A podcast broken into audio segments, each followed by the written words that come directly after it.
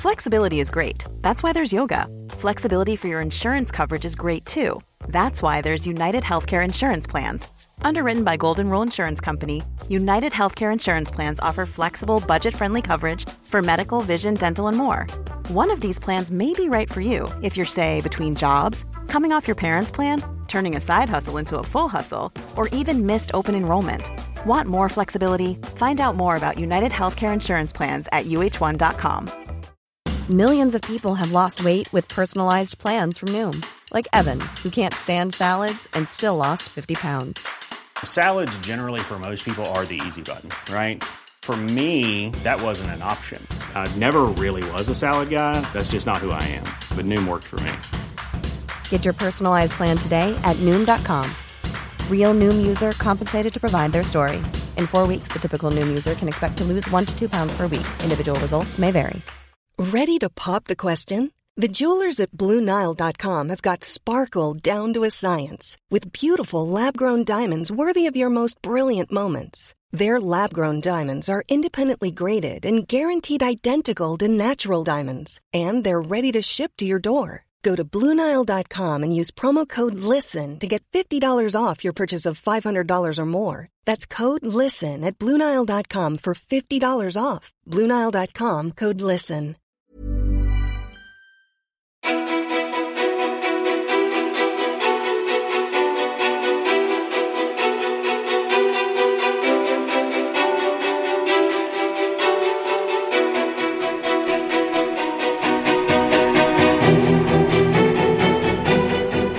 Sofia Lilja är sång och artistcoach, föreläsare och KBT-terapeut. Hon känns igen efter sin långa medverkan som artistcoachen i Idol. Sofia brinner för att sammanföra musik och personlig utveckling och att hjälpa människor att använda rösten som ett redskap till att lära känna och befria sig själv. Vad ledde henne till den här platsen? Vem är egentligen Sofia Lilja? Varmt välkommen till podcasten Ofiltrerat med mig, Sofia Ståhl, PT-Fia. Välkommen hit! Alltså, så fint. Tack! Du, tack själv. Det är du som ska ha tack. Åh, kul. Alltså, jag är så laddad för det här. Gud vad roligt. På vägen Berätta hit. mer. Ja, men jag cyklade hit. Det är ett Ja. bra sätt så att, att du vet, apropå rörelse och bara få, få landa. Eh, susa genom staden. Jag sitter så fram emot att få prata med dig. Det här, jag måste också få börja med att säga, det här har ju varit en av mina visualiseringar. Vad menar du nu? Är inte det supercoolt? Oh, berätta mer, nu blir jag helt exalterad. berätta mer. Nej, men jag använder mig av visualisering. Det har jag gjort i många år. Det var någonting som jag använde jättemycket under Idol. Det är en del av en mental träning. Du känner säkert till det. Och vi gör ju det hela tiden i, i, vår, i vår vardag. Men många gånger visual- visualiserar vi ju det vi inte vill ska hända. Och så stressar vi oss och spårar runt i det. Men man kan ju också hijacka det och visualisera det man vill ska hända. Och hur det känns och hur man vill att det ska kännas i kroppen. Vad man vill, vad man vill ge när man kommer dit. Vem man vill möta. Vem man vill ha omkring sig. And here we are. Och då var det, Ja. det här var med. Ja, och grejen med det, om vi bara, jag kliver bara rakt in Ja, i ja, det. Det var ju när du, så här, dels vet jag vem du är, jag har sett det i olika sammanhang. Och jag tror att jag fick mest tog rygg på dig när du och Linda började jobba. Och det var så här, just ja, hon. Och jag har alltid tyckt att du har varit så himla härlig. Plus att du heter ju Sofia. Så det känns ju så här, man extra koll. Och också, många gånger har jag mött människor som någonstans har eh, mött dig och kanske mött mig och någonstans säger men du säger som och påminner om. Jag kan se ibland också att just det här med ordet befria är någonting som vi möts i. Och jag tänker också apropå längtan. Jag Ja. tänker apropå utmattning, att resa sig igen, våga på nytt. Det är så många saker. Så, så när du hörde av dig och ville ta sånglektioner hos mig kände jag bara Here it comes. Ja. För det är någonstans jag, jag pinpointar människor som jag känner. Dels, jag tror mycket på att under så många år har jag varit i sammanhang där jag har behövt, har jag trott, behövt förminska mig själv, förändra mig själv. Men sen har jag insett att det handlar om att vara kring människor där man känner att man, att man vågar vara i sitt ljus och vågar vara i sin kraft. Och där man kan på något sätt reflekteras tillsammans i det.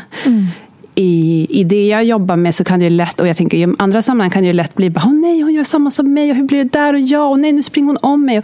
Och, jag är också så, jag är också människa, det ligger ju på något sätt i vårt biologiska arv. Men jag vill på något sätt förändra det för mig själv och kunna se, wow, hon, tänk vad coolt att göra något tillsammans med henne eller med honom. Och då blir det en del av min visualisering. Och sen så har jag en tydlig metod för hur jag gör det som jag gärna delar Ja. lite längre fram. Men, Ja. men att sitta och ta samtal, att ta sånglektion kände jag bara, det var så coolt. Och när du gick kände jag så här, det här är början på någonting nytt. Åh, vad fint. Gud vad häftigt. Ja. Jag får så här ris och blir helt exalterad. Det är en bra kombo. Gud, Rys och exalterat. Ja. Det var så intressant för att, ehm, eh, apropå, jag skriver under på allt det du säger eh, för övrigt. Eh, och sen så nu när jag precis innan jag skulle gå ner hit så är jag så här, just det. Mm. Sofia och nu när jag träffat dig några gånger så bara kom det till mig det här med energi och hur olika människor har Mm. olika typer av energi. Och positiv energi finns ju väldigt många olika skepnader och nyanser. Mm. Man kan ju träffa någon som är liksom som en, som en stormvind som är liksom så här wow, så massa framåtanda och energi Mm. och glad och liksom positiv. Och så känner man mm, det där kändes inte så äkta. Mm. Fast det är jätteglatt. Eller det behöver inte vara äkta heller utan det kan vara att mm, det kanske är lite fladdrigt, den där glada energin. Eller sådär. Ehm, och det jag alltid möter när jag möter dig är en glad energi som är lugn. Mm. Och som, är, som känns liksom och då är det väl ordet kanske förankrad eller grundad eller sådär. Det. Ehm, och det ger ju ett helt annat intryck, Mm. upplever jag överlag. Och det fick mig att tänka då på energi. Så jag vill att vi bara... Vad tänker du om det jag precis sa? Wow. Jag känner att jag blev grundad. Så jag bara... Ja, men alltså... ah, spännande. Nej, men det, det som kommer bara helt eh, intuitivt är just med energi. Jag, jag tänker mig att vi drivs av två krafter om man trattar ner det. Rädsla och längtan. Och det är ju energi både och. Och sen finns ju det oändliga lager hur de här eh, krafterna visar sig. Och jag har varit driven så mycket av min rädsla under mitt liv. Eh, jag har varit enormt mörkrädd i hela min uppväxt. Alltså när jag tänker tillbaka så hade jag ju ordentliga sömnstörningar, men jag fattade ju inte det då. Utan jag, ja, det finns jättemycket att prata om det. Men tillbaka till energi. så och det är intressant det där du säger, en glad men grundad. För jag har nog många gånger kunnat upplevt att jag har varit så att man måste slå på och, man ska, jag- och jag har mycket kraft. Och det har blivit nästan så att apropå vad det, vad det är sprunget ur, om det har varit sprunget ur rädsla så kan det ju, precis som det du beskrev inledningsvis, upplevas som wow, här, så bara, oh, att det bara, vänta nu, det är som att det bara, det som bara försvinner bort. Det finns som ingenting att ta på. Eh, så därför måste jag alltid, till exempel när, vi ska, när jag ska göra en sån här sak, jag har, ju så, jag har ju så mycket jag vill prata om och nu när jag känner mig fri, jag känner att jag inte behöver dimra mig. Jag är inte driven av min rädsla längre, för jag är driven av min längtan. Och jag vet hur jag kan ta min rädsla i handen och leda mig själv genom rädslan i min längtans riktning. Och nu är den här. Så är det, det är en fin kombo just det här att vara på något sätt i min kraft, men också vara förankrad i min längtan. Och också, där tycker jag, apropå rädsla, många gånger så när man pratar om rädsla, bara, oh, prata inte om rädsla. Eller, det är som, som när man ska prata om skam, nej, prata inte om skam. Men det är det vi behöver prata om, för det är det, tänker jag, som gör att vi många gånger klipper bort våra egna ankare. Eller klipper bort våra egna vingar. Och för mig, just, det var intressant, det där ska jag meditera på. För att just att vara i en full energi men förankrad, det är ju superspännande. För man kan lätt tro att de är motpoler, eller hur? Verkligen. Ja, vad tänker du? Nej, men det bara är så tydligt just när man möter människor. Eh, för alla människor kommer ju med någon slags energi och det, det gör vi ju allihopa. Men just när att det är sån skillnad på Just, alltså för just den positiva kraften, för den tror jag kan bli ganska endimensionell. Att man säger, ja, ja, men den är glad. Jo, absolut. Men är den glad så här, så här, så här eller så här? Eller vilken typ av glad? Är man glad för att man ska leverera glad? Eller för att man säljer in sig själv med glad? Eller att man ska liksom, eller positiv eller så. Ja. Eller bara är det som en lugn, självklar, bara Mm. här är jag. Alltså i det, och att det är väldigt positivt eller energifyllt eller glädjefyllt. Precis. Så jag- alltså jag, jag tycker det är så spännande just med, med att så här, det finns ju, och det här tjatar jag om i, i alla forum, men just att så här, det, ingenting är ju svart eller vitt eller bara antingen eller, två, två versioner. Utan Ja. Det finns ju hur mycket som helst och det är oerhört spännande. Du, alltså nu, nu, nu alltså, ja. öppnades någon dörr här. Kör. Jag pratar mycket om och jag tänker också mina klienter, det är ofta, det kom, när man kommer en bit in i den terapeutiska resan så, så kommer det upp där dualiteten, både och kognitiv dissonans. Kan jag vara, och jag tänker på mig själv, jag är ju, jag har alltid haft en slags bit, alltså så bittersweet, bit, bitterljuv, så här, melankoliskt drag. Som jag nog någonstans har återövrat de senaste åren. Och också utforskat mycket, så här, var, det, var det kommer ifrån. Och jag tänker just tillbaka till det här att vara både glad och grundad. För det, det jag pratar om, och nu blir jag helt intressant. Jag blir helt rörd när jag, när jag går in i det. Det var coolt alltså. Mm, fint. Ja, det är fint. Och för det är så angeläget. Så angeläget. Mm.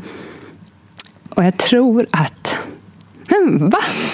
Coolt inte det? Välkommen.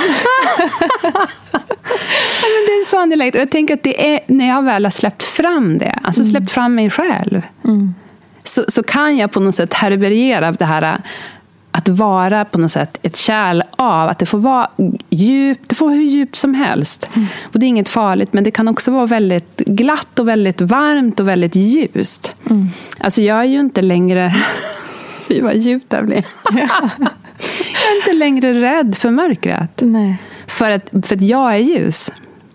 Gud vad fint, jag blir också tårögd. Eh, men är det inte också det som så många människor går igenom? Att mm. man, man på, alltså apropå det här ordet du sa, befria dig och så. Mm. Och att eh, dels allt det du säger om rädslor, men sen också de här begränsningarna som mm. man sätter för sig själv. Och som mm. du också sa, förminskandet. Alltså, mm. och det uttrycker sig på så många sätt och man kanske inte ens riktigt har kopplat det hela vägen att det är det man gör. För man lever bara på i livet. Mm. Men när började du förstå att det var eh, att, att de här sakerna som att begränsa, förminska och mm. rädslorna. När började du liksom förstå eller mm. rota eller uppmärksamma det? Mm. Vilken spännande fråga. Ja, men dels en riktig sån här, du vet, awakening, om man nu ska prata i engelska termer, ett uppvaknande var när jag, och det också kanske kan man tycka klassiskt, men när jag var, vart gravid och skulle få mitt första barn. Um, och egentligen har jag ju haft andra uppvaknanden innan den. Vi får se om vi, om vi, om vi kommer, in kommer in till dem. Men det här är ett sånt tydligt, tänker jag, apropå rädsla och längtan. Och jag är ju i princip fixerad vid att försöka begripliggöra och förtydliga de här inre processerna för människor. För att jag har levt ett helt liv och haft en upplevelse när jag har vänt mig inåt har det varit så ogreppbart. Och i efterhand har jag förstått att det är för att jag har varit avstängd. Det är som mm. att man kommer, du vet, in, jag brukar beskriva eh, det inre livet som en skog, alltså en vacker härlig skog. Men många av oss, när vi vänder oss inåt, är det som att vi står vid den här skogsbrynet och kommer inte in. Och det är bara en mörk skogsvägg som målas upp. Men när jag jobbar med klienter så brukar jag som se som en, apropå visualiseringen, en bild av att vi går där längs skogsstigen in i deras inre. Och de leder mig. Och vi öppnar nya vägar. Och i den där skogen, i alla människors skog, så finns det en glänta. Och i den gläntan finns en källa. Mm. Det är vår autenticitet. Där allt är sant, där allt är rent. Det är där vårt ursprung är, det är där vi börjar, dit, där vi slutar, där vi går vidare, där allt knyts ihop. Och jag tänker att i den där gläntan vid källan så finns det också ett hus, det är vårt inre. Mm. Det är mitt hus. Alltså, runt det huset finns ett staket. Det är jag som bestämmer vem som kommer in upp i mitt kök som dricker kaffe. Det är jag som bestämmer vem som kommer upp i sovrummet, vem som får sitta i min vardagssoffa. Men många, under många år och många människor jag möter och, och mig själv har jag levt ett liv med ett hus utan väggar. Där folk har bara trampat in och jag har legat som en dörrmatta. Mm. Och min resa blev att någonstans börja etablera det här huset och någonstans hitta in i mitt inre, min inre skog och etablera den här gläntan. Och musiken, tänker jag, när jag ser tillbaka på de här, för jag tror att din fråga handlar om så när jag började på något sätt plocka ihop de här bitarna.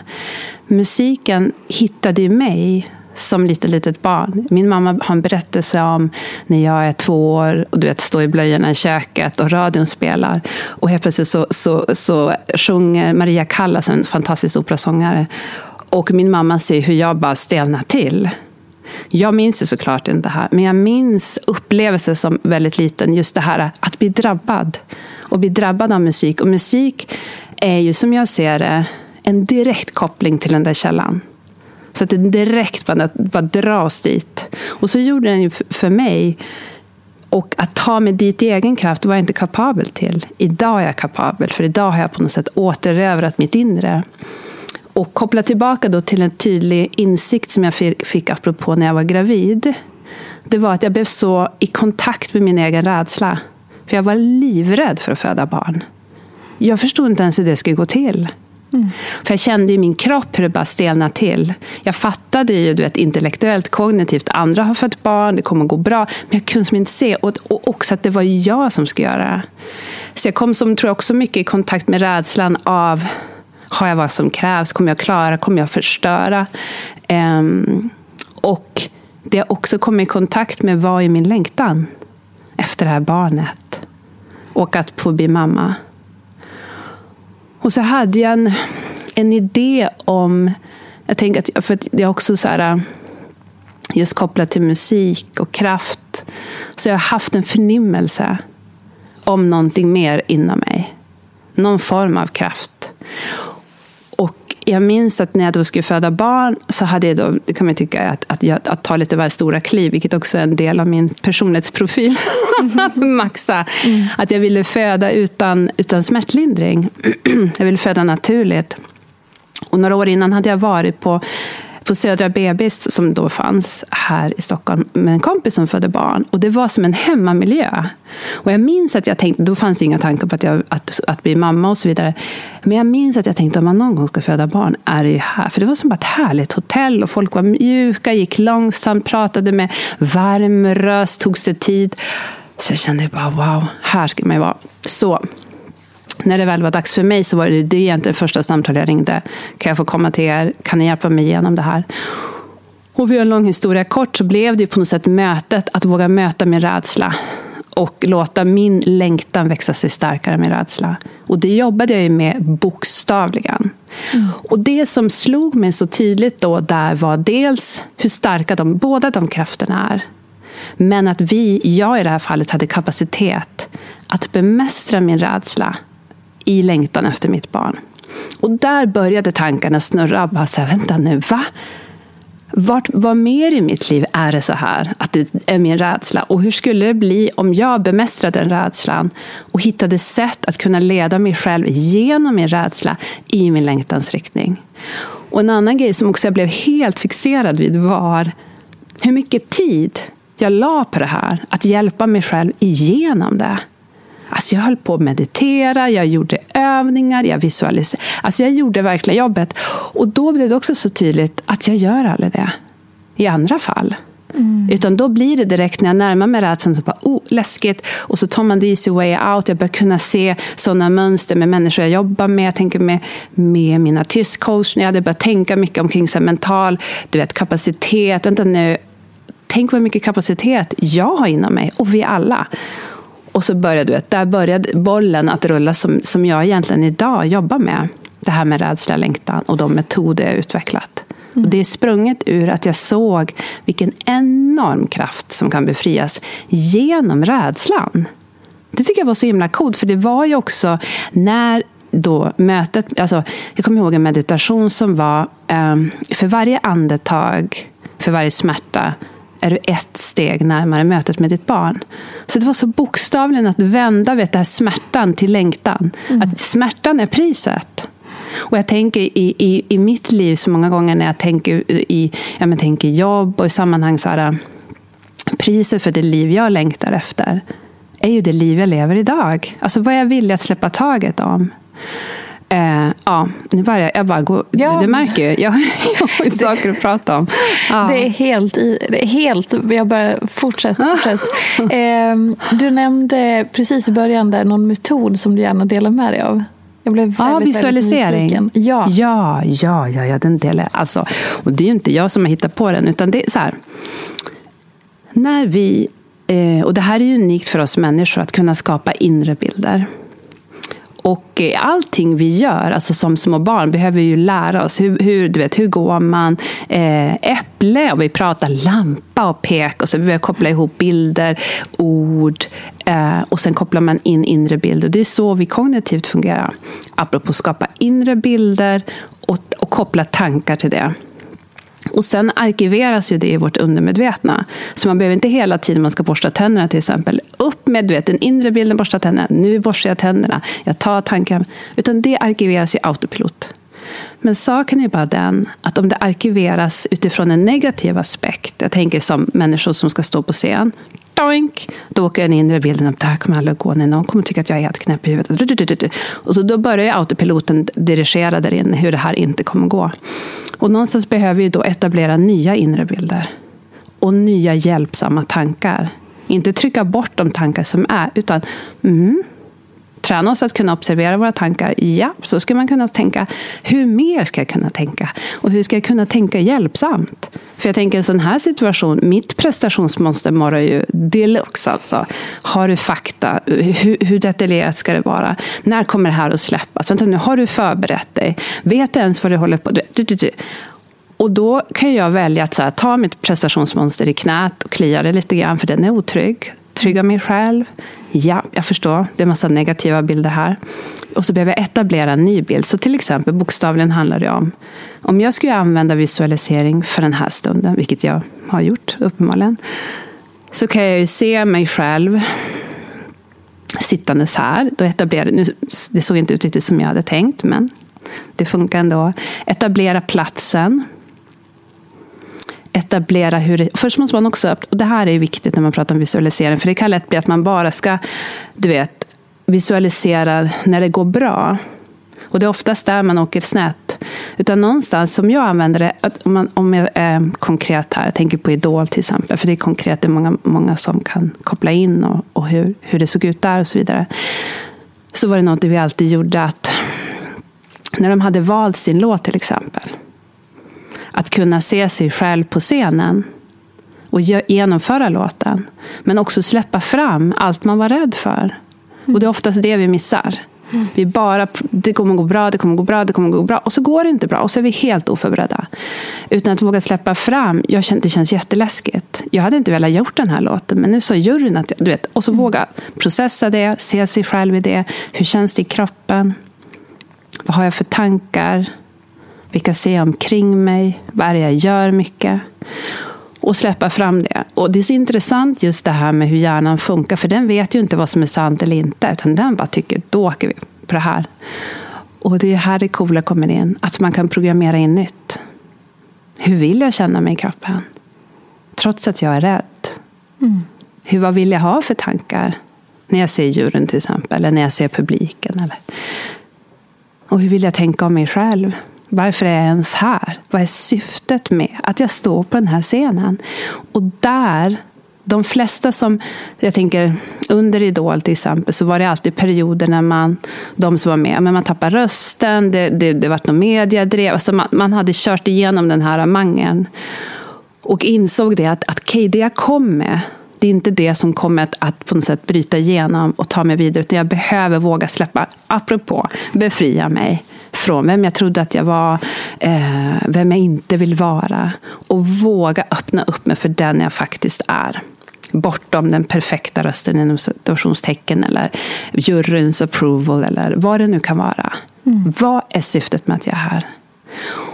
Och när man lyckas erövra det, apropå, jag tänker koppla tillbaka till min längtan med mitt barn.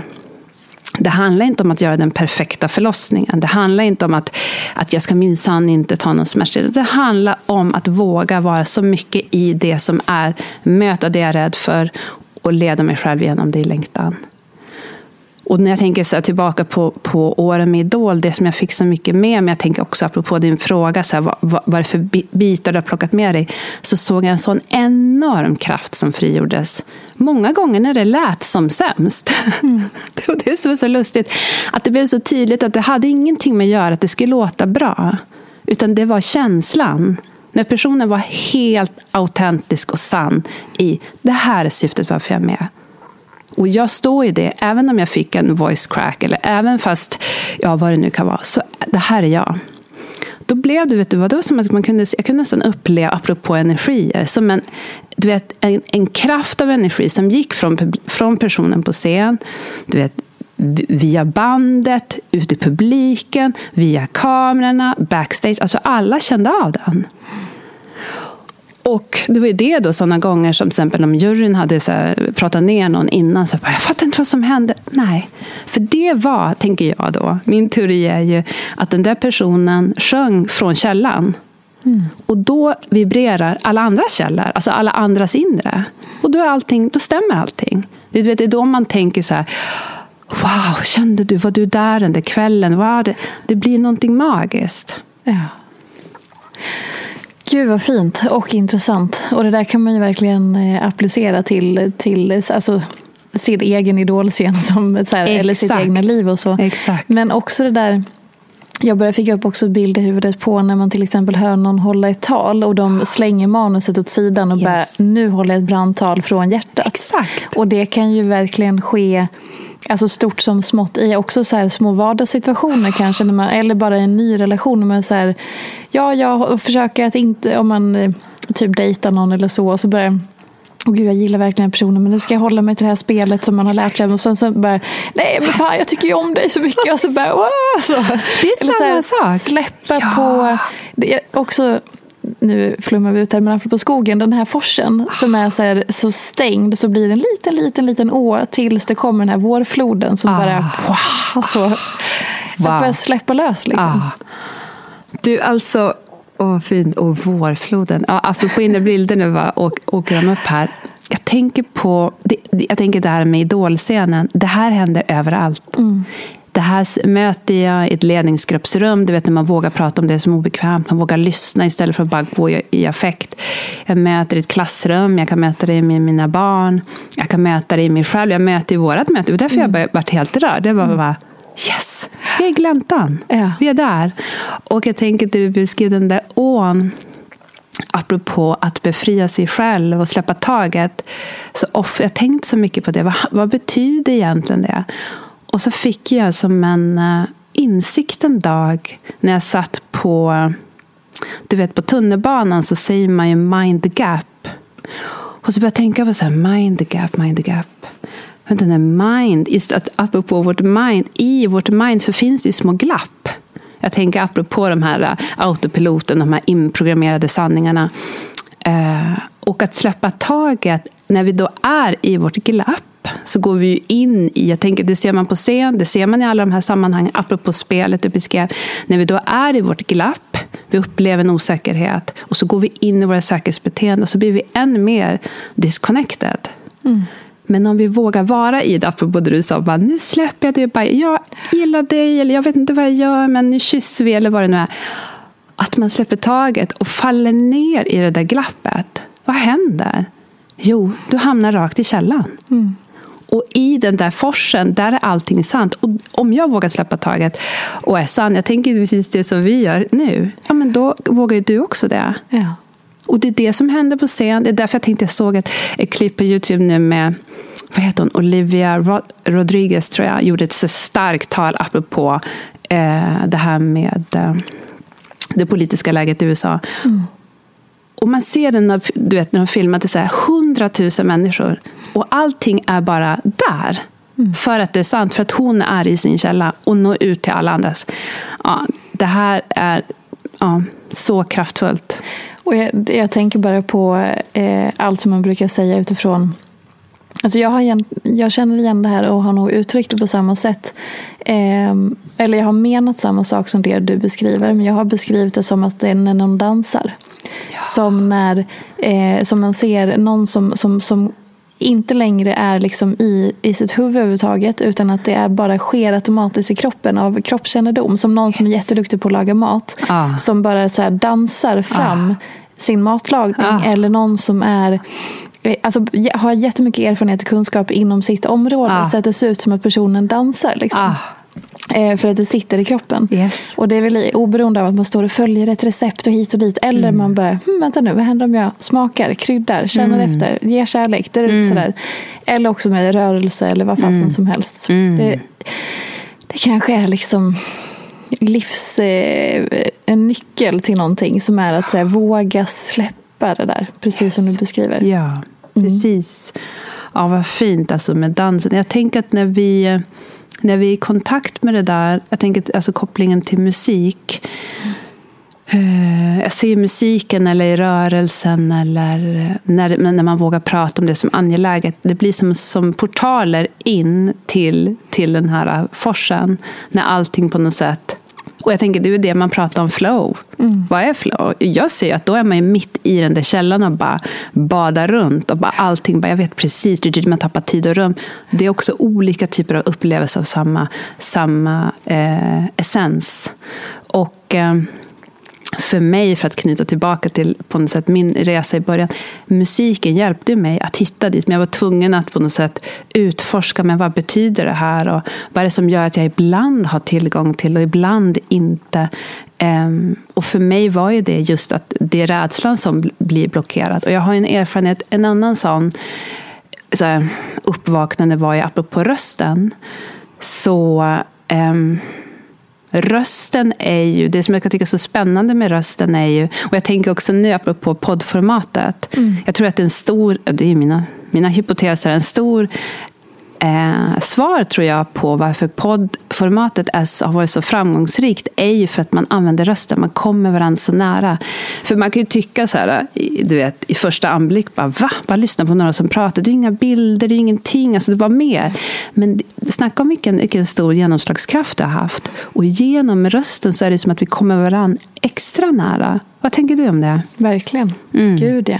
Och det är ju eh, det finns ju, alltså, bilder kan ju absolut ge mycket men det ger ju också ett annat uttryck, utrymme till att kanske låta fördomarna ta plats eller mm. döma ut mm. eller att man ser någonting man stör sig på eller mm. blir för mycket intryck eller vad det nu än kan vara. Rösten är ju bara rösten och så mm. finns det liksom små nyanser i det och man plockar upp och man kan liksom jag tror, jag tror att det, blir, det avskalade gör att det blir liksom direkt en annan kontakt såklart. Ja, antar jag. Och jag tänker med rösten, jag, jag brukar se det som rösten är själens klangbotten på något sätt. Att i, i rösten på något sätt, när, mm. när man vibrerar i rösten så är man på något sätt också sig själv så nära. Och jag tänker att det är väl det som också gör att att många människor drar sig till att sjunga, men samtidigt också som jag möter som har svårt med det. Som är så här, äh, människor som kommer som är blockerade och att det visar sig mycket i rösten. Och jag har själv en sån erfarenhet när rösten på något sätt, det här rädslan bara tar ett strypgrepp kring rösten.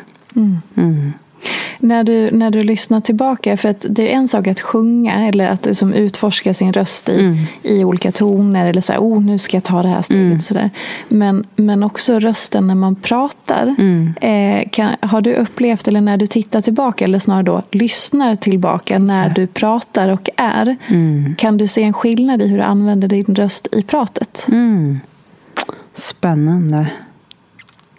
Ja, men jag kan höra på min röst, apropå som du så här, med energin, om jag verkligen är där. Mm. Jag kan höra om jag är uppspeedad och, och så här, i prestation, prestationsmode kan jag höra på min röst. Jag kan höra på, och jag kan höra på min röst om jag är trött, om jag är ledsen. Och det gör jag också mm. på andras röster. Mm. Och det som jag tycker är så spännande just med rösten är att den är sammankopplad med den delen av vårt nervsystem som också är så här, apropå stress, apropå trygghet. Så det är inte så konstigt att, att vårt känsloliv på något sätt eh, manifesteras i rösten. Mm. Det är så spännande för jag eh, tänkte på också, för när jag har gått tillbaka till eh, jag känner igen mig väldigt mycket i det här med att så här, behöva befria sig och ha mm. förminskat mm. sig och sådär. Så när jag går tillbaka och till exempel eh, till er som lyssnar på den här podden så jag började den 2015 redan och sen så har jag kört regelbundet sedan 2018. Och går jag tillbaka och lyssnar på de tidiga avsnitten eller andra filmer och vi, ah. alltså röstgrejer från eh, väldigt många år sedan. Jag är så liten. Jag ah. tar, min röst tar sån liten plats. Jag pratar mycket ljusare. Jag har inte ah. samma pondus i rösten. Jag har inte lika mörk röst. Den är liksom, för att jag var så mycket i att förminska mig själv. Ah. Att liksom ta lite mindre plats och vara liksom lite försiktig och alltihopa. Ah. Och det är så intressant för det är sån enorm skillnad upplever jag då såklart. Men Ah. Även om jag har visat det för vänner och sådär. Och jag tänker att det är samma sak med ens blick. Om man Ah. går tillbaka och tittar på bilder så kan man också se, om man vet en period i ens liv som kanske har varit utmanande eller svår, så börja så här, titta på blicken på Ah. gamla bilder. Eller lyssna på sin röst och börja, men gud, apropå då Ja, att så här, inte ta sin plats eller Nej. förminska eller sådär. Kan du känna igen Ja, ja sånt? oh, jag tänker på direkt när du pratar om blick. Och jag blir också nu blir jag rörd igen. Jag kommer ihåg en bild. En bild som är hemma hos mina föräldrar. Jag tror att de har den i sovrummet. Där hela vår familj är. Mm. Och jag kanske är... Ja, man kan gissa att jag är typ 12-13. Jag blir helt rörd av det. Eh, Och jag kan se att jag inte jag är inte glad. Mm. Jag ser det i blicken. Och jag kan också se det här ja, att det är så avstängt. Mm. Och så ung. Och så ung. Ja. Mm. Samtidigt som jag då tänker tillbaka på eh, jag menar det, en det finns ju en anledning varför jag jobbar idag just med jag tänker prestation, rädsla, skam, kreativitet. Det är egentligen de fyra som är mina så här, pelare som jag jobbar med på olika sätt. För att kreativiteten har ju fört mig och hjälpt mig och läkt mig genom också många perioder när jag har varit väldigt avstängd. Att apropå förminskat mig, behövt, känt behov av att måste passa in. Jag menar, även om jag kommer från en kärleksfull familj, så att se ut som jag eh, uppe i Västerbotten, där, där de flesta inte ser ut som jag, gör ju också att, att det kan bli massa eh, eh, massa tankar om att inte, att inte duga, att inte passa in, vara som alla andra. Och då samtidigt ha en längtan och en, en, ett inre kall av att göra någonting som innebär att ta mycket plats. Apropå, Mm. jag tänker att du, du pratar om det här med både och-känslan, alltså dualiteten. Eh, men det är spännande just med blicken. Jag tänker att blicken är ju verkligen så här själens spegel av... Och därför tycker jag det är så fint nu när vi ses, när man ser varandra så här, att, att någonstans ser vi ju inte hela ansiktet, men vi ser varandras blick och vi hör varandras röst. Mm. Hur är det för dig att, att eh, då blicka tillbaka till just de här, det som har varit? Stannar du ofta upp och gör de reflektionerna och liksom eh, går tillbaka till då till exempel de här bilderna eller de känslorna som var och så? Eller vill du lämna och gå vidare? Eh, Men jag har ju som sagt var ett melankoliskt drag, så jag, kan ju, jag kan ju leva i det.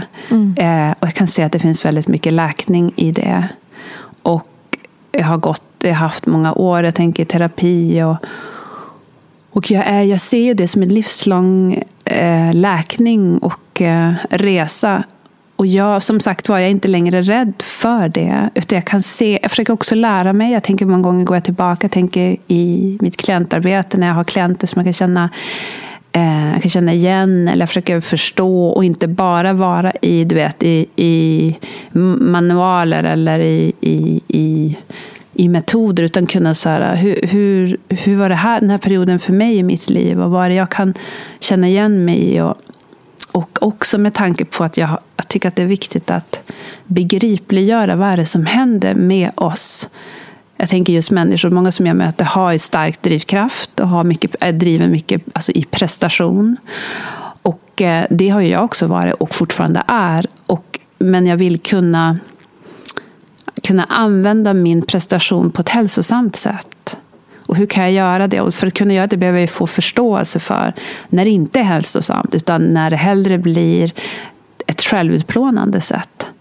Och där tänker jag att historien är också mycket en, en skatt av, av alltså jag brukar säga att vaska guld av våra, alltså våra tidigare fotspår av så när det inte blev som vi ville, när det inte funkar och så vidare. Så att jag tänker nog ganska mycket tillbaka. Och jag tänker också sen när jag blivit mamma så blir det också hela tiden jag tänker kop- kopplingar till det och kopplingar till min, till min egen mamma och att, att, att också vara, vårda mig själv. Jag tänker på självvård. Så det, det är verkligen någonting som jag ser det som, det där, som en cykel i det. Mm. Det är så många spår här, så jag säger, vad, vad ska vi gå vidare någonstans? Så det är så mycket som är så spännande. Ehm, men åter tillbaka till ehm, när du började hitta de här när du började din resa med allt som det innebar och just här kopplingen till musiken. För du sa att det var så många saker som ändå var rädslor och som hindrade dig och så. Vad, vad, vad finns det för avgörande stunder där? Mm. Ja, men en avgörande stund var ju nog, tror jag, när jag... Dels när jag började jobba som, som sångpedagog, då var jag typ 22. Och upptäckte att det var så många som bara grät. Alltså när man sjöng. Att, och jag vet att jag hade, apropå inre bilden, upplevelse av att när vi sjöng så var det som att, du vet, jag brukar tänka så här, och jag kan komma tillbaka och hitta gamla anteckningar, alltså det kändes som att dubbeldörrarna till själen bara flög upp. Mm. Och att jag kunde se mig själv lite bara, Jaha, och det var ju, tänker jag, idag. Då, så att då står man i skogen. Och att många människor hade behov av process och att, att musiken och sången blev, apropå portaler, blev en portal in dit. Och jag märkte också att jag var nyfiken mer på, så vänta nu, hur är kopplingen? För att jag såg också att när vi vågar vara i det, så vart sången bättre inom situationstecken. Det vill säga att personen kunde känna att den kunde förmedla det den ville. Och då kände ju den att den var hemma. Inte i form av så här, nu sjunger jag bättre, högre, mörkare, mer wailer. Så. Och att kopplingen just med känslor och att uttrycka en känsla men också connecta med en känsla. Så dels var det en sån, så här, vänta nu, vad, vad finns det här? Och att jag kände också jag kommer ihåg att jag hela tiden rekommenderade folk till olika terapeuter och psykologer. Men kände mig mer och mer nyfiken på det där. Och insåg också att jag själv också hade en dragning och en, också en, en fallenhet för det. Och sen såklart med med åren med, med Idol. Och hela den ingången började egentligen med att jag hade bestämt mig för att jag skulle säga, jag kommer ihåg på det nyår, nyåret, jag tror att det var 2004, så bestämde jag mig för att det här året ska jag säga mer ja än nej. Mm. Apropå att vara driven av rädsla. Jag hade några år tidigare tackat nej till att åka till USA för att spela in för att jag var livrädd. Apropå driven av rädsla så sa jag nej till min egen dröm. Och jag hade jobbat ett, ett antal år på Fryshuset på deras gymnasium och började känna hur min egen kraft på något sätt kunde kanaliseras tillsammans med de här ungdomarna som jag fick möjlighet att jobba med och, och också koppla till musik och till sången. Och började kunna mer och mer pussla ihop, vänta nu här, sången och musiken är ju också vägen till läkning. Vänta nu, hur kan man göra mer av det? Och sen kom telefonsamtalet från Idol. Och hade inte, jag tror faktiskt, apropå visualisera, om inte jag hade bestämt mig för innan, då hade jag nog sagt nej. Ja. För min instinkt var så här, gud det här låter superflummigt. Va? Tävling och musik, det kan man ju inte göra. Och med sång dess, då kommer alla de där. Men så var det ju då, apropå min inre röst, som sa, Sofia, skulle det här kunna vara ett ja? Och hur skulle det då se ut? Och kan du inte börja med att ta ett möte? Och apropå rösten, hon som jag pratade med i telefon, Helene Magnusson, som var producent, hennes röst kände jag sånt förtroende för. Så jag på något sätt var ledd av hennes röst. Okej, okay, vi tar ett möte. Och det blev en fantastisk kärlekshistoria i nio år, mm. som jag också mycket lärde mig genom att musiken och sången är verktyg, redskap till läkning och befrielse för människor. Både för den som utövar det, men också för den som får ta emot. Um, så det, det, är därifrån som jag börjar känna, så vänta nu, det här kan man också tänka som vi pratade om, just det här eh, när saker och ting faller på plats. Det kunde jag uppleva, inte bara på scen, utan i, i våra möten, snack innan. Jag började kunna se, vänta nu, det här, det här är ju samma sak.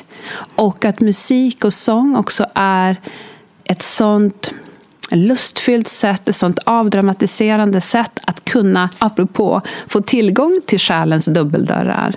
Många gånger så kan ju att kanske gå i terapi vara skrämmande, eller hur blir det? Det kommer för snabbt. Ehm, um, så, jag måste bara få berätta en, en, en, en, en berättelse som jag tycker sätter ljuset på det här så tydligt. Jag var på, satt på pendeln och du vet med så här fyra stycken som har suttit två, två, två, två. Och så var det några kids som satt mitt emot mig med så här öronsnäckor och lyssnade på låtar och jag kunde inte låta bli att höra vad de sa.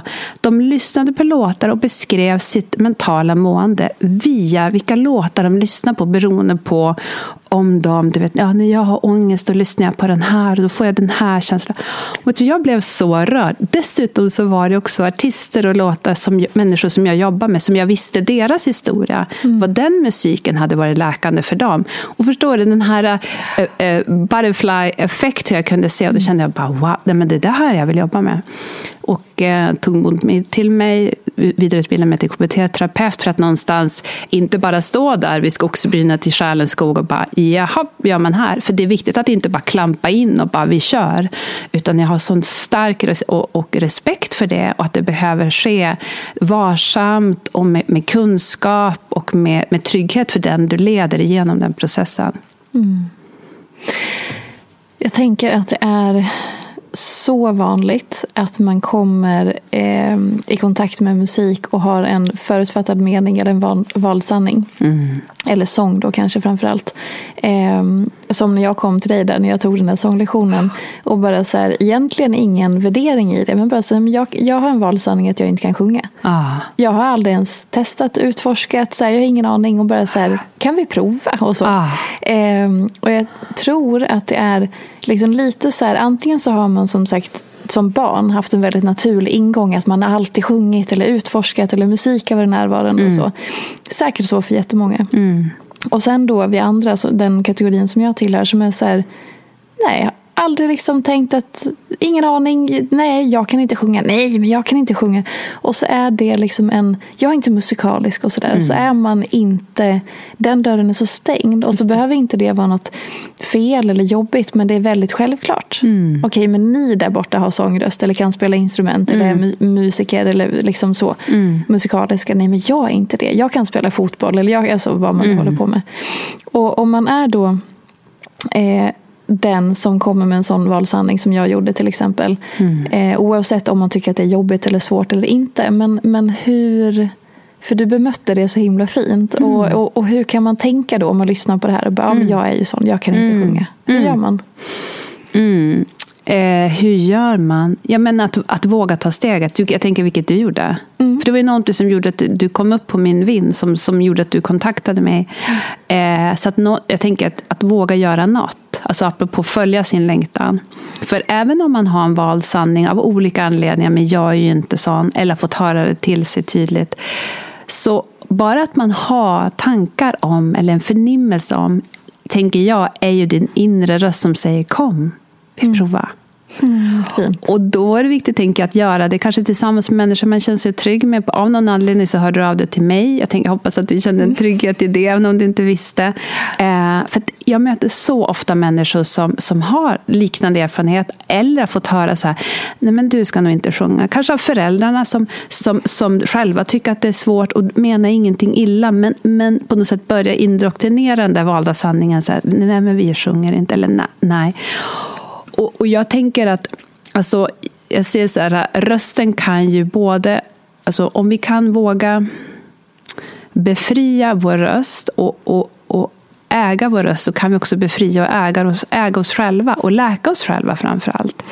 Så jag tyckte det var så spännande när du hörde av dig just av den anledningen. För, för att um, det jag försöker säga är att det är då rösten fyller sin, sin sanna funktion, tänker jag.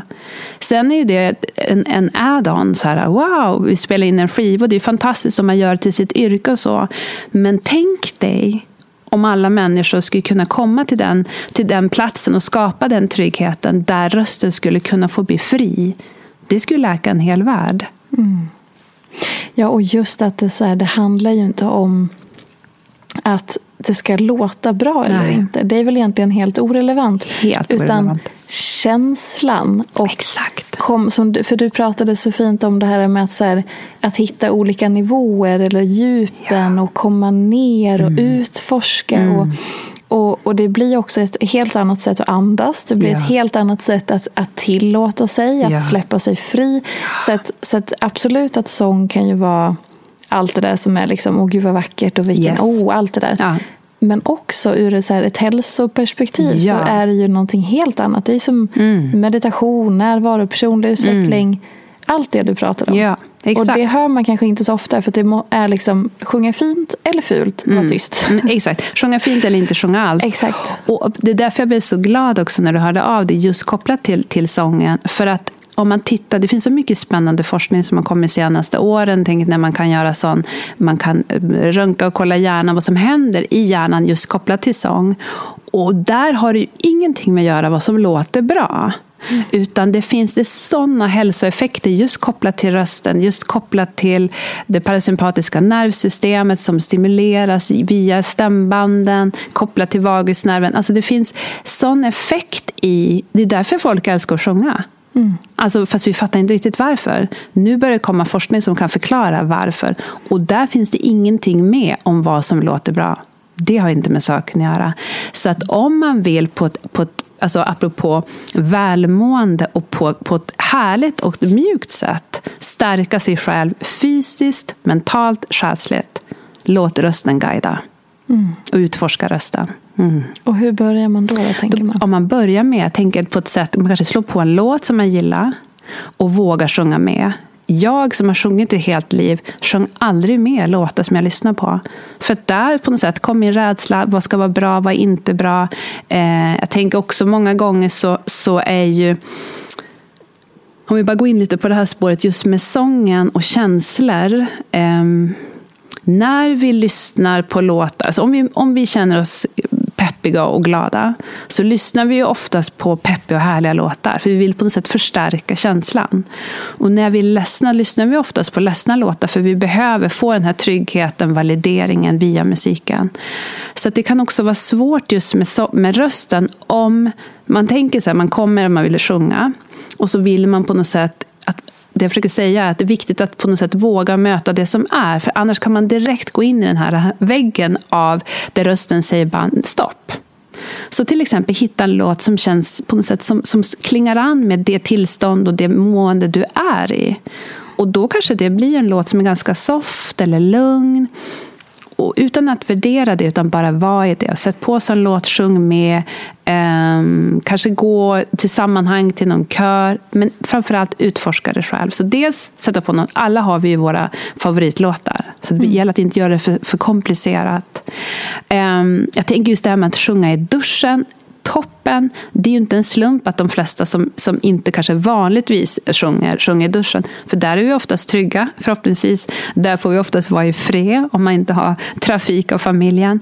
Eh, där är det oftast akustik. Där är det oftast varmt, vilket gör att vårt nervsystem tycker att det här är härligt. Vi känner oss avslappnade, behagliga. Och plopp, så måste vi uttrycka det och där kommer sången. Så att bara kunna identifiera också så här, vart sjunger jag? Vart faller det sig naturligt? Och det tredje är ju att välkomna det som kommer. Att inte värdera. Det är den största utmanaren när det gäller just det här vi pratar om. Tänker jag generellt för sig själv. Att, att någonstans träna upp sin förmåga att inte konstant värdera oss själva. Och då till vår nackdel. Utan att mer tänka på ett så barns, barns vis. Bara, Va? kolla här, här kommer jag, så här lät jag idag. Och vad vara i det? Ett annat sätt kan också vara att prata. Jag brukar använda mig mycket av alltså att jag spelar in så röstmemo när jag ska ett projekt eller jag ska förbereda grejer eller jag ska skriva grejer. Att först prata, prata ur med det. Ibland när jag promenerar, när jag springer. Alltså att hitta sätt att kunna umgås med rösten. Och vill man ha så här, okej, okay, ett, vart börjar jag? Identifiera vart använder du rösten? Redan nu, naturligt. Mm. Och börja där. Det är så intressant just att se rösten som, som en Alltså att ge den mer fokus, som sagt, bara i pratet. Mm. Det här också så här hur man... Eh, för man låter ju så olika i, i, olika... Och sen absolut att ta ton och allt det ah. där. Men som du sa, att prata, att höra sin egen röst. Ah. Bara det liksom. Eller notera, som du också var inne på. Okej, okay, men, men hur jag upplever min röst i den här situationen eller där och då. Det, det talar om lite grann var jag befinner mig just nu och hur yes. jag mår. Yes. Gud vad intressant. Var skulle du säga att du befinner dig någonstans nu i livet? Oj. Jag befinner mig nu... Alltså jag har haft ett eh, väldigt speciellt år. Jag, jag, har, jag har kallat det här, för mig det har varit ett mantra som, som, som har burit mig. Eh, självvård pågår. Där, för jag har haft hjärtsäcksinflammation sedan i september. Oj, vad innebär det om man inte vet? Ja, det innebär vätska i hjärtsäcken. Det här är inget farligt. Det har alltid gått bra. Om någon lyssnar som tycker att det här är känsligt eller blir äckligt. Eh, och puls som hoppar väldigt mycket och, och högt tryck i hjärtat. Så det är ju allvarligt tillstånd så. Men, men, men jag, nu när vi spelar in det här så har jag bara för några dagar sedan fått varit på återbesök hos min kardiolog och fått det beskedet, apropå visualisera, som jag har visualiserat, när han du vet, att sitta där och han gör sin undersökning via ultraljud. Vätskan är borta och får svar på proverna. Trycket har gått ner och han säger Sofia, grattis, det här ser fantastiskt bra ut. Då vill man ju bara jula ut därifrån alltså. Gud, vilken ris. Ah. Grattis. Eller, ah. ja, grattis. eller hur? Ja, underbart. Ja, Gud, det är underbart. Men jag har verkligen, apropå vilket tillstånd du är i och vilket läge du är i. Alltså det här året har jag verkligen tagit till nästa nivå av, av självvård. Mm. Av att hjälpa mig själv, apropå pauser, befria mig själv från men alla de här när tankar kommer. Så jag måste skicka det där, måste jag varför måste jag? Hur skulle det vara om jag inte gjorde det? Jag hade en sån, sån, sån epiphany i badrummet en gång när det var mycket sådana typer av tankar. Det skulle vara nyhetsbrev som skulle skickas, det skulle postas. Det. Och så kände jag bara så här, vad skulle hända om jag inte gjorde det? Och så hörde jag bara, apropå rösten, bara, men gud så skön. Och så bara, då kanske vi, jag är ju min egen chef. Jag kan ju bara säga, hörni, det blir en paus här. Och det är också varit en rädsla. Vad händer om jag pausar? Vad händer om jag skapar utrymme för det jag behöver? Mm. Så att jag, har, jag har verkligen, apropå jag tänker energin det vi pratade om inledningsvis, och grunda, jag har grundat mig så mycket och tillåtit mig av att ge mig själv det jag behöver. Mm. Men det har varit svårt. Jag har inte lärt mig det som i min uppväxt. Jag har haft svårt för det. Så att jag ser eh, den här, även om det har varit svårt och utmana med hjärtsäcksinflammationen så har det också varit en gåva. Att jag har varit tvungen till att så här, dra i handbromsen. Det säger de ju ibland, att livet ger oss inte det vi vill ha, utan mm. det vi behöver. Exakt, det har det verkligen. Ja. Mm. Vilka utmaningar eh, har du upplevt i det då? För det är så här, okej, okay, men nu när det har gått en tid och du är inne i det och du mm. har erfarenhet mm. av alla de här månaderna, snart ett år av allt det här mm. nya beteendet, det aktiva valet och så. Mm. Men, men vägen hit, vad har utmanat dig under tiden? Nej men alltså jättemycket. För mig, det är därför det har varit viktigt för mig. Så fort, för vila för mig har varit hot att vila har varit hot. Och jag tänker utifrån ett biologiskt perspektiv så kan ju det vara hot mm. av att gå ner i vila för då blir vi uppätna på savannen. Så är man väldigt mycket prestationsdriven så kan ju det många gånger trigga en känsla av hot. Eh, och sen också min erfarenhet av att jag, jag är på något sätt tränad av att prestera. Alltså jag har sett mitt värde i det jag gör. Um, och det är något som jag också kan känna igen ofta hos mina klienter. Att, alltså, vem är jag när jag inte gör? Så det är mycket det som jag har behövt utforska. Ja, vem tusan är jag då? Mm. Och att våga möta, jag tänker rädslan av att så här, nu vilar jag och, och, och vara apropå glappet. Att inte då börja så här, jo men jag kan göra en livesändning från sängen. Det har jag i och för sig gjort tills jag insåg att nu, nu måste vi bara våga vara och bara falla djupare ner i det här glappet. Och sitta vid, vid källan, gråtandes ibland, möta min rädsla av att saker och ting förstörs. Jag förstör, det var en återkommande, så här, apropå valda sanningar. Inom KBT så jobbar man ju med olika typer av tankar, så automatiska tankar och det här grundantagandet om så här, vem är jag egentligen? Och för mig många gånger så visar sig ett grundantag att jag bara förstör. Det är ju fruktansvärt ju. Mm. Och nu outar jag verkligen superpersonligt, men jag tycker att det är viktigt att prata om. Så, så fort jag hamnar i på något sätt ett ytterläge där det blir svårt så är det den rädslan jag bara förstör. Och apropå när du frågar som jag var, vad är svårt? Jo, men det är ju att möta mig, alltså den lilla Sofia här i det här läget, av älskling, du förstör inte. Det du gör just nu är att du vilar. Mm. Så jag behöver om, alltså skapa ett nytt narrativ apropå det. Därför har det varit viktigt för mig. Vad är det egentligen som sker nu? Jo, det är självvård. Det är det som pågår här nu. Och sen har ju det vuxit sig starkare och starkare och starkare. Och det är det som har gjort att jag också kunnat läkt och inte hamnat i att det bara går upp och ner hit och dit. Men sen har jag en erfarenhet av utmattning eh, kopplat till endometrios som jag har haft. Så jag har gjort den resan av så här, vem är jag när jag inte gör. Så jag har haft någon slags grund. Men det, här, det här året hade jag behövt, behövt ta till en ny nivå. Men jag tänker till dig som, som lyssnar. För jag kan tänka mig att det flera av er som lyssnar som också kanske kan känna igen er i att vi vet mer vem vi är när vi gör, men vi vet inte vem vi är när vi bara är. Och det är ju i mötet med oss själva när vi bara är. Det är där sann läkning och utveckling sker, tänker jag. För det var min erfarenhet. Och om man tänker då, jag hör vad du säger, jag förstår allt det där egentligen. Men vad är att bara vara? Mm, jag ska ge, jättebra, nej, men jag ska ge en jättetydlig bild. Um, jag kommer ihåg när jag var i tillfrisknad från utmattning med min endometrios. Jag hade opererat bort min... Endometrios, för dig som inte vet vad det är, är ju en kvinnosjukdom som ungefär 10 procent av oss kvinnor har. En del vet inte om det. Oftast kopplat till, till enorma smärtor, vilket det var för mig, kopplat till menstruation, ägglossning. Um, och jag hade enorma smärtor som hade lett till kronisk smärta. Och efter ett antal år så, så fanns det som ingen annan utväg. Allt, ingenting fungerade. Jag var tvungen att operera bort min livmoder. Och för mig var det um, en rädsla då var, var, var ju, vad händer om inte det fungerar? För då finns det inget mer att göra, apropå göra. Mm. Och då snabbspola fram till, operera bort min livmoder. Det här är sommaren eh, 2016. Jag minns att jag sitter hos min psykolog. Jag sitter längst ut på en sån här fåtölj typ som vi sitter. Och kände att det här funkar inte. För jag upplevde att jag gick ett steg fram, två steg bak, ett steg fram. Och kunde se mitt liv som en, den här mamman som ligger. Jag, jag, älskling, jag orkar inte nu. Jag orkar inte nu. Och som äter Citodon, får dåliga levervärden. Så det här är inget liv. Um, och då minns jag att hon sa Vad gör du på de här dagarna när du mår bra? Och då hade jag en lång lista. Då var det att komma kapp livet. Mm. Och då sa hon på sin sköna fina svenska. Men Sofia, på dina bra dagar, då ska du bara sitta i solen och vara. Och jag blev ju galen på henne. För jag kände att det är då, för då går ju mitt liv mig eh, ur händerna. Men jag minns, apropå din fråga, vad är det man gör? Jag minns att jag satt i den där nedran solstolen. Och satt där. Okej, okay, då sitter vi här. Och där också mötte det jag var rädd för att jag skulle missa. Det jag kände att jag inte kunde åstadkomma. Alla de här rädslorna så satt jag där och någonstans fick ju trygga mig själv. Och det var vägen ur det.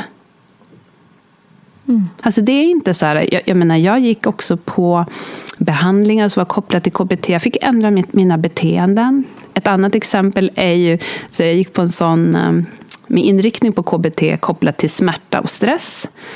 Den första lektionen jag fick där var när jag sladdade in på föreläsningen sen, för att jag hade ju maxat dagen, vilket var helt orimligt riggat, vilket jag vet idag att jag behöver rigga rimligt. För jag har en fallenhet att konstant rigga orimligt för mig själv. Sladdar in där, sätter mig ner och de börjar föreläsa läsa om att kopplingen i kroppen mellan stress och smärta är förenat. Så har man en smärtproblematik så är det stressen många gånger som driver igång det. Och för mig var det så varför har ingen sagt det här tidigare? Alltså att börja samla fakta, lära mig börja förstå mina egna beteenden. En annan sån uppvaknande var när, när vi pratar om till exempel bråttom beteende. Att inse, vänta nu, det här är tydligen något, när någon beskriver något, det där är ju jag. Att jag inte bara plockar ur diskmaskinen, samtidigt svarar jag på något mejl, pratar med något barn och funderar på en föreläsning jag ska göra. Alltså förstå, när man börjar kunna se sig själv att jag har levt ett helt liv på ett helt orimligt sätt. Så är det inte så konstigt att när jag då bara är, så är det som att livet, det allt bara faller över mig. Och det är svårt, men det är också helt avgörande. Mm. Vad tänker du om det? Nej men verkligen, hundra procent. Och ja. jag, jag gillar det ordet bråttom beteende. För vi har ju någonstans fostrats i det här multitaskandet som kom för kanske världen nu 10, 15, 20 ah. år sedan från New York eller någonting. Ah. Det var så här, oh det är så bra multitaska, man ska göra allt samtidigt, oj oj oj och så. så men mm, äh, nej. Nej, det är ju helt bedrövligt. Exakt, och att man också så här, beter sig som ett eller som att säga, prestationen som finns så mycket i hemmet. Att det inte ens där hemma så är det en paus utan då är det bara en lång att göra listor på allting som ska levereras där, där också. Um, det är ja, bråttom beteendet, väldigt bra. Och när man börjar skynda sig utan att man egentligen har en tid att passa eller någonting. Och bara så här racer, tävlar med allt och alla. Eller att man bara går jättesnabbt, ah. gör saker snabbt, pratar snabbt. Ah. Okej, Exakt. halloj. Men det där är så full i skratt, för det är så intressant när man bör höra, bara, vänta nu, det finns ett begrepp för de här grejerna. Och idag när jag ser, vänta nu, varför stressar jag på? Jo, men det är för att jag är otrygg. Mm. Det är någonting som gör, som gör mig orolig här. Och när jag börjar fråga mig själv, hjälpsamt, så här, vad, vad är det jag är stressad över? Och så kanske svaret kan komma, nej men jag kommer inte orka göra allt. Så bara, men älskling, du behöver inte göra allt. Vad är det vi kan, apropå befria, vad är det vi, jag brukar ibland, så här, när jag vet att jag ska göra saker, eller är i period när det här drivs igång, för det här är ju mitt gamla beteendeprogram som bara kan kicka in när som helst. Och då brukar jag göra en sån här, du vet, man pratar om så to-do-list, så brukar jag göra en not to-do-list. Så att jag vet, det här ska jag inte, det här ska vi bara, så, då lägger vi det åt sidan. För annars är jag där och håller på och fiffilurar. Och så gör jag saker som jag kanske inte absolut ska göra. Vad brukar stå på den? Det kan många gånger vara allt ifrån att inte svara på mejl kanske. Att inte gå in på sociala medier. Ehm, att eh, hitta en plats där jag blir ostörd. Alltså inte sitta, om det då är hemma där jag vet att familjen kommer trilla in. Utan så här, ta mitt dåliga samvete som mamma under armen och gå och sätta mig på mitt kontor någon annanstans. Eh, jag har ju egentligen en, en del av den metoden jag jobbar utifrån. Det handlar om att rigga rimligt. Vad är att rigga rimligt? Om jag skulle rigga min dag rimligt, vad skulle det vara? Som till exempel hit idag. Ställt larm för jag visste att när jag behöver åka. Jag ville vara här en stund innan så jag kunde gå på toaletten. Landa i, i, i huset, i energin. Fånga in mitt prestationsmonster. Rikta mig, så här, grunda mig i min längtan. Allt det där istället för att bara säga ja, men jag hinner, jag hinner. Men det intressanta är att vi konstant utmanas i det.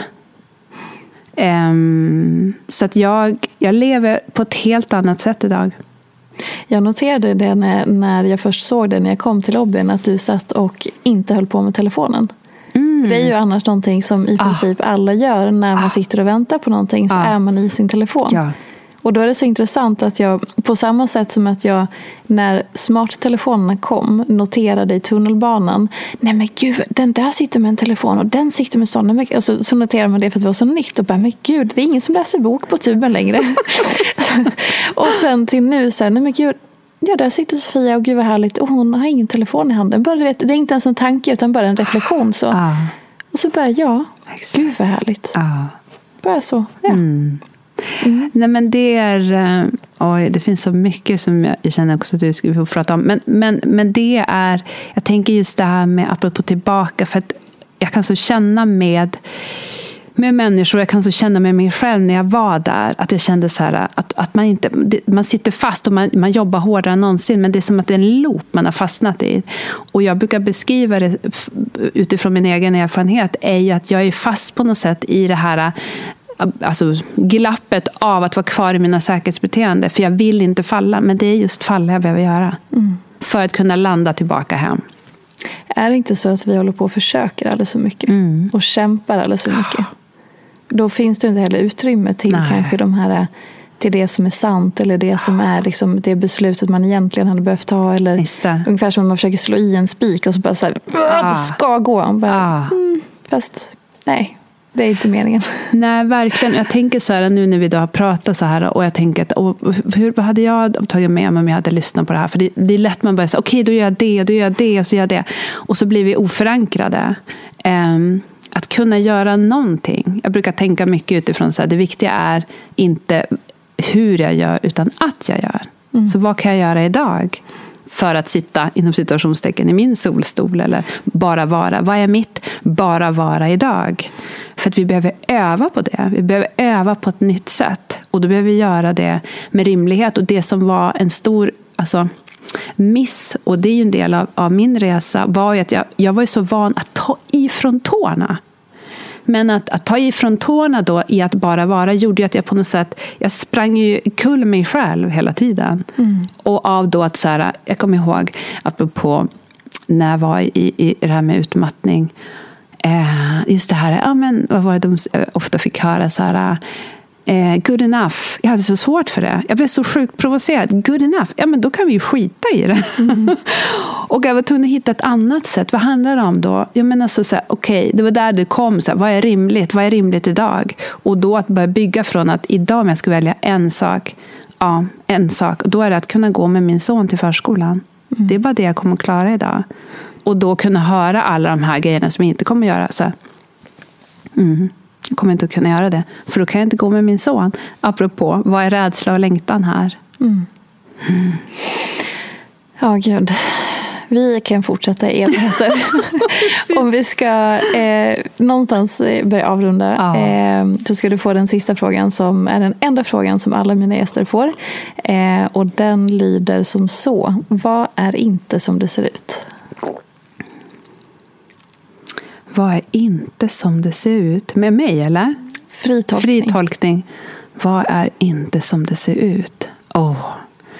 Då tänker jag direkt det här Uh, vi tolkar ju verkligheten som vi uppfattar den, inte som den är. Mm. Så det är ju en superspännande fråga. Ja, det är ju att så här, hur skulle det här också kunna vara? Att kunna se att det finns mer möjligheter. Det mesta, tänker jag, är kanske inte som det ser ut. Och att bli medveten om att vad, vad, är det som, vad är det som gör att jag uppfattar det här på det här sättet just nu. Och att kunna se, vad är det? Jag håller på att tjata om rädsla och längtan. Vad är rädslan i det här? Och hur kan jag famna och trygga det? Och, och hur kan jag gå i riktningen mot min längtan? Vad är det som, vad sa du i frågan igen? Vad är det som inte? Vad är inte som det ser ut? Vad är inte som det ser ut? Det skulle jag nog säga är allt. Mm. Mm. Mm. Om man vill ha mer av dig på något sätt och kanske boka en sånglektion eller någonting sånt. Var hittar man dig och hur får man ta del av det? Ja, men då hittar man mig på sofialilja.com. Där finns det står om mig och mina digitala träningsprogram och kontakt till mig. Och så kan man följa mig på sociala medier. Men jag har förändrat mitt förhållningssätt till sociala medier. Aha, ja. bra. Sofia Lilja heter jag där. Men jag, nej, jag vill inte vara ägd av algoritmer. Utan jag vill så här, jag är där i, i perioder. Um, och uh, vi möts där. Men vi gör det på våra egna villkor. Mm. Bra. Mm. Tusen tack för att du kom hit och delade allt, allt, allt som du har delat. Det var fantastiskt fint. Tack snälla för att jag fick komma. Och tack till alla er som har lyssnat. Hoppas att ni har fått med er massa saker. Och jag skulle också vilja säga, prova att lyssna igen. För apropå eh, alltså hur man uppfattar saker och ting. Det kanske är så att du plockar med dig någonting från det här avsnittet mm. på ett annat sätt om en vecka eller två eller ett halvår. Så kanske, ja, jag börjar känna en fick där, så det här ska vi säga idag. Grymt. Puss och kram på er. Vi hörs igen på söndag då ett nytt avsnitt av Filtrerat kommer. Ha det gott så länge. Puss och kram. Hej då! Följ mig gärna i sociala medier. Jag finns på Instagram som peterfia och bloggar på peterfia.se. Jag blir så glad om du vill recensera den här podden, prenumerera och lämna gärna önskemål på gäster. Vi ses i sociala medier. Ha det gott så länge. Hej då! En podd från Allermedia.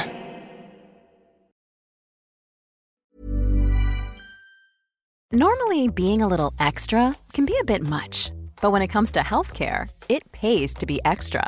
And United Healthcare makes it easy with Health Protector Guard fixed indemnity insurance plans. Underwritten by Golden Rule Insurance Company, they supplement your primary plan, helping you manage out of pocket costs without the usual requirements and restrictions like deductibles and enrollment periods. So when it comes to covering your medical bills, you can feel good about being a little extra. Visit uh1.com to find the Health Protector Guard plan for you. Hey, it's Paige DeSorbo from Giggly Squad. High quality fashion without the price tag. Say hello to Quince. I'm snagging high-end essentials like cozy cashmere sweaters, sleek leather jackets, fine jewelry, and so much more. With Quince being 50 to 80% less than similar brands. And they partner with factories that prioritize safe, ethical, and responsible manufacturing. I love that. Luxury quality within reach. Go to quince.com slash style to get free shipping and 365 day returns on your next order. Quince.com slash style.